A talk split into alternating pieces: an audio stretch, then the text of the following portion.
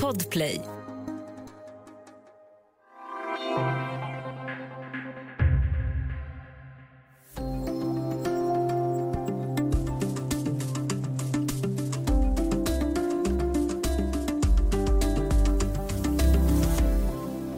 Har Googles artificiella intelligens fått ett eget medvetande? Ja, det hävdar i alla fall en anställd på företaget som nu stängts av från sitt jobb. Det här är Studio DN med mig, Ylke Holago, och jag vänder mig direkt till Linus Larsson, techredaktör här på Dagens Nyheter. Ja, Linus, vad är det som har hänt på Google? Ja, för några dagar sedan trädde en anställd på Google, Blake Lemoine, som arbetar med ett av deras projekt inom artificiell intelligens fram och eh, kom ett häpnadsväckande påstående att den mjukvara som Google har byggt för att kunna föra konversationer, chatta så att säga, så likt en människa som möjligt hade fått ett medvetande, en eh, förmåga att eh, tänka och känna själv. Um, och han hade försökt övertyga fler inom Google att så här var fallet, eh, men inte fått gehör för sin uppfattning. Så till slut gick han ut offentligt, bland annat redovisade han en del av de konversationer han hade haft med AI-systemet och Google svarade med att stänga av honom från jobbet enligt eh, företaget för att han hade spridit affärshemligheter. Och sedan dess har han intervjuats i Washington Post och eh, den här historien har fått en eh, eh enorm uppmärksamhet. Så berätta mer om vad det är den här Google-teknikern Blake Lemoine egentligen säger sig ha varit med om. Har den ultimata science fiction-fantasin blivit verklighet? Ja, den stora frågan som det här väcker är ju just, har Googles AI vaknat och fått ett medvetande eller en själ om man så vill? Och svaret på den frågan vågar jag lova är nej. Det finns egentligen ingen annan än Blake Lemoine själv som, som tror på att det skulle vara så. Eh, och ingenting i det han har presenterat som bevisar att, eh, att det skulle ha hänt. Faktum är att han själv till och med har sagt att han drog den här slutsatsen lite grann i egenskap av religiös person eh, och inte som någon som eh, eh tjänar vetenskapen. Men, men historien väcker ändå många intressanta frågor. Eh, vi lyssnar bara på den här konversationen som Blake Lemoine säger att han hade med eh, chattbotten. Här i svensk översättning av mig då eh, och lite lätt förkortad.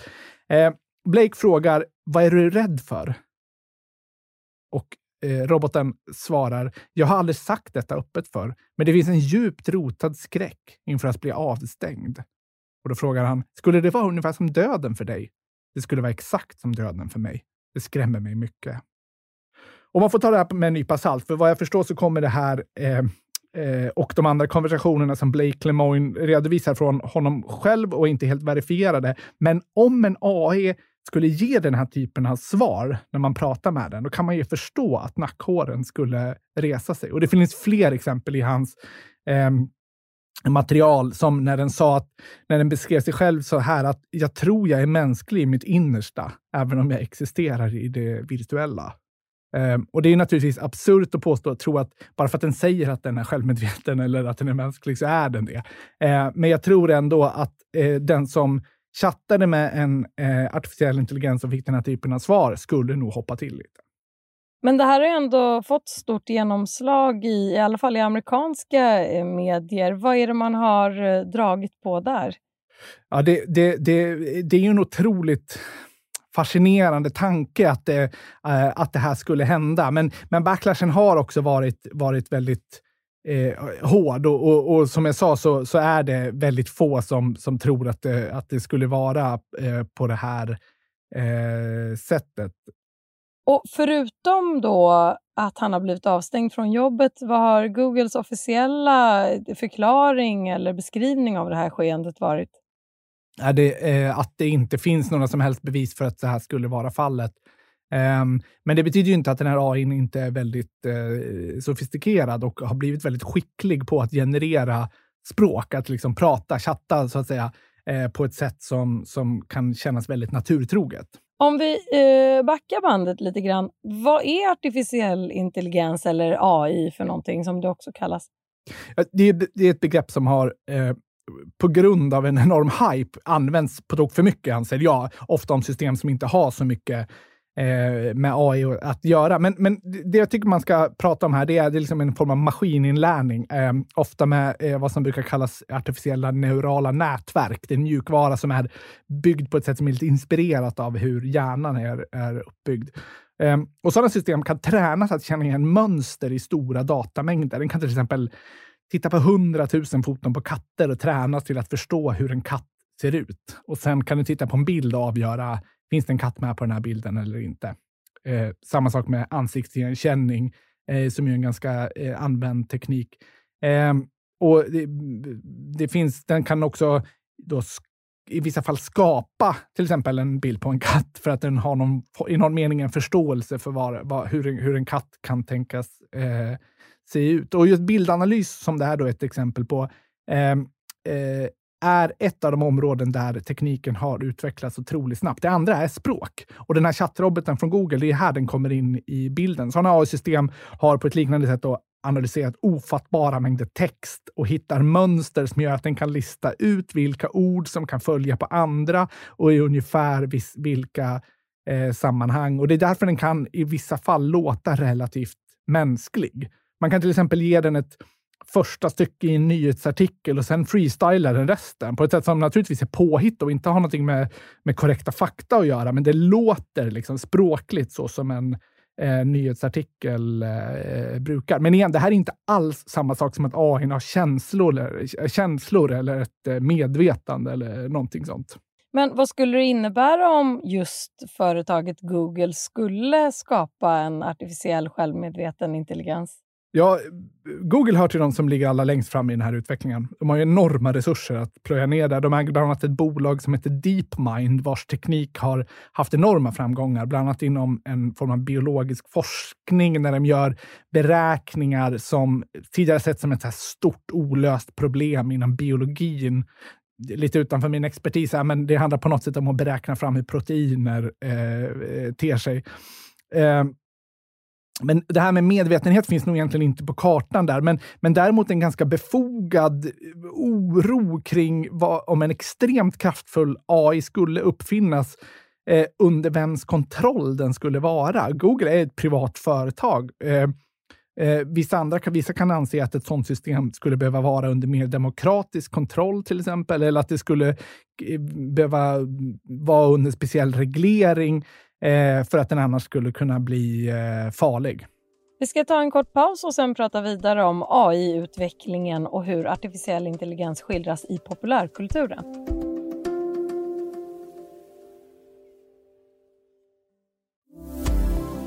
Du lyssnar på Studio DN. Idag om den tekniska utvecklingen kring artificiell intelligens. Linus Larsson, du är techredaktör här på Dagens Nyheter. Vad innebär alla dessa framsteg på AI-fronten för oss människor? Vi har ju hört om AI-teknik för myndighetsbedömningar och chattar till exempel. Du nämnde flera andra exempel före pausen. Vilket kan vara nästa stora område i den här utvecklingen?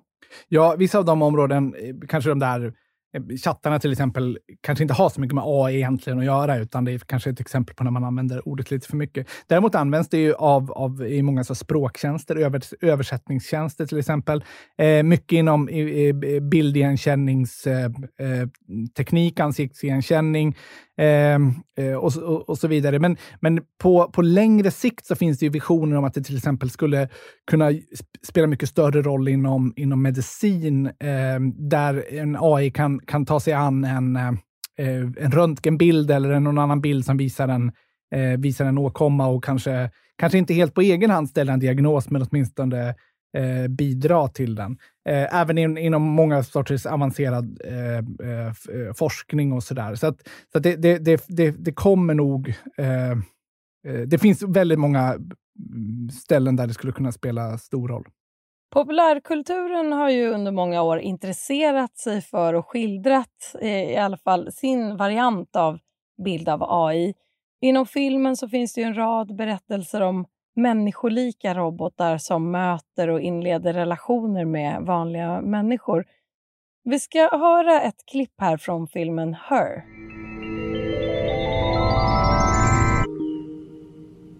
Hello, I'm here. Oh. Hi. Hi. How you doing? I'm well. How's everything with you? Pretty good actually. It's really nice to meet you. Ja, Linus, vad är det som händer i den här scenen? Ja, filmen Her handlar ju om en man som blir förälskad i sin AI. Eh, Samantha som vi hör där när de, när de träffas eh, för första gången. Det är Scarlett Johanssons röst som eh, eh de står för den. Um, och det här är en film som jag kommer att tänka på mycket när den här Google-historien hamnade på, på tapeten. För den, den handlar just om vad som händer när en en AI ter sig mänsklig för oss. Egentligen handlar det inte så mycket om att den är självmedveten eller, eller så att den har ett medvetande eller att den eh, kan ha känslor eller någonting sånt, utan, utan bara när den är tillräckligt skicklig på att efterlikna en människa. Och, och han eh, skrattar till lite här i början av scenen, men filmen handlar då om, om, om deras relation och, och eh, hur han blir eh, förälskad i henne. Eh, och jag tycker, att den är, jag tycker att det är en väldigt bra film och en av de mer intressanta eh, eh som tar sig an AI-konceptet. För, för, just för att den, den, den illustrerar hur, hur, eh, eh, hur det skulle förändra vår relation till maskiner om de är tillräckligt bra på att efterlikna människor. Det kanske är många som tror att det skulle man ju aldrig göra, för man vet ju innerst inne att det bara är en, en, en, en massa kod som, som ligger bakom det där. Det, att det inte är på riktigt. Men då tycker jag man ska tänka på, har man någonsin gråtit eller skrattat eller känt skräck på grund av en film, den vet man ju också inte är på riktigt. Men, men är det skickligt gjort så, så blir man känslomässigt eh, eh påverkad av den. Och, och, och jag är helt övertygad om att, att det, man skulle börja behandla dem mer som en eh, människa om de kunde, eh, alltså om AI kunde uppträda mer som en eh, människa. Vi har ju en tendens som människor att, att tillskriva, att se ansikten i molnformationer eller tillskriva våra husdjur mänskliga egenskaper. Och, och, och eh, just att liksom fantisera fram att det kanske finns en person där det egentligen inte finns en, är ju en, en djupt rotad mänsklig egenskap. Och, och, och, och, det tror jag verkligen skulle hända om, eh, eh, om, om AI kunde eh, uppträda på det här sättet. Och det kanske jag tycker egentligen är en minst li, ett minst lika intressant koncept som, som liksom, eh, mördarrobotar och, och, och, en AI som, som blir vaknar och eh, tar över världen. Här vill jag i sammanhanget också slänga in några väldigt gamla exempel som Koldockan och Tamagotchin som ju också blev väldigt omhuldade och väckte starka känslor hos eh, vanliga människor. Visst. Men eh, Her är ju ett av flera exempel på just filmer som tar upp AI. Andra är ju filmen som heter AI just, eh, eller Terminator för att gå lite längre bakåt i tiden. Vi har Ex-makerna med eh, Alicia Vikander i huvudrollen. Ur ditt perspektiv, hur tycker du att filmvärlden har tagit sig an eh, AI-frågan? Ja, men det är ju något evigt E-, e-, evigt ämne som, som, som aldrig slutar att fascinera. Och, och väldigt mycket har det ju varit det liksom faran i att tappa kontrollen över det. Det kanske hör i någon mening också handlar om, men, men, eh, eh, eh, men, men, det är ju någon sån här balansen mellan det, det, liksom det fascinerande med det och det skrämmande med det eh, som, som, eh, eh som verkar vara ett tema som man liksom aldrig någonsin kan, kan släppa. Men det är lite därför jag uppskattar Hör, för att den gjorde det på ett väldigt annorlunda sätt. Den tar ju också kontrollen över eh, huvudpersonen. Eh, som, nu får du inte spoila bara. Nej, men att han blir, att han blir förälskad i henne måste man ändå kunna eh, säga, för det är liksom ja. vad hela filmen handlar om. Dessutom är en film från 2013 tror jag. Man måste väl någon gång få börja spoila. Absolut, det har du rätt i. Och vi som filmkonsumenter utan specialkunskaper om AI, vi påverkas ju förstås av hur tekniken skildras i eh, populärkulturen. Vad säger du händer i glappet mellan fantasi och verklighet här? Vad, vad får glappet för konsekvenser i verkligheten när vi ska för, försöka förstå hur utvecklingen ser ut på riktigt? Ja, men det är ju någonting med liksom mördarrobot. Alltså, ganska länge så var det det mest klichéfyllda sättet att välja en bild till en artikel om artificiell intelligens. Det var just liksom en, en mördarrobot av Terminator-typ. Och det, det, det är ju en ganska skev uppfattning om både möjligheterna med artificiell intelligens och eventuella eh, risker med det. Det är ju inte... Eh, om vi, eh, alltså, det finns ju mycket mer omedelbara eh Eh, eh, problem och risker med det. Eh, till exempel att, att Eh, eh det finns exempel på när ansiktsigenkänning som används för att eh, eh, beivra brott, att, att identifiera och hitta, hitta brottslingar, är väldigt mycket bättre på att se och skilja på vita människors ansikten än, än svarta. Och det kan ju få konsekvenser. Det finns faktiskt väldigt konkreta exempel på eh, när människor har blivit liksom gripna och, och åtminstone under en period suttit frihetsberövade på grund av att eh, de litade så mycket på en, en sån ansiktsigenkänningsfunktion som man kan se som en form av AI, ehm, eh, som då var eh, så mycket sämre på, på, på eh, svarta människors ansikte. Det finns liksom ganska många omedelbara eh, problem att ta tag i och risker att när man förlitar sig på den här så att liksom den mördarroboten som är blank och har röda lysande ögon kanske inte är det mest relevanta sättet att illustrera på. Vi använde faktiskt just en sån bild helt nyligen, ska jag säga för transparensens skull. Och det var för att illustrera ett avsnitt vi hade som handlade just om AI i krigsindustrin. Ah, Okej, okay, okay. i det fallet då mm. möjligtvis. För då, ja. Var det, var det okej? Okay? Kanske. Ja, det borde ja, det finnas mer uppdaterade bilder. Ja. Eh, avslutningsvis här, vad behöver fler förstå om AI för att också förstå utvecklingen? Ja, men det kanske är ett ganska tydligt exempel på eh, det som brukar kallas Amaras lag, som lyder ungefär så här. Vi tenderar att överskatta effekten teknik ska ha på kort sikt, men underskatta den, vad den kommer betyda på lång sikt. Och AI har haft några år av så extrem hype och sen kanske lite backlash mot det, för folk börjar inse att det inte är magi som vänder upp och ner på världen eh, över en natt. Men på lång sikt så kan det eh, eh, betyda väldigt mycket och kanske på sätt som vi har svårt att överblicka idag. Tack så mycket Linus Larsson, techredaktör här på Dagens Nyheter. Tack. Om du vill kontakta oss så går det bra att mejla till studiodn dn.se. Och kom ihåg att prenumerera på Studio DN där du lyssnar på poddar så missar du inga avsnitt. Studio DN görs för Podplay av producent Palmira Kokare Menga. Ljudtekniker Patrik Meisenberger, teknik Jonas Lindskov på Bauer Media och jag heter Ylke Holago.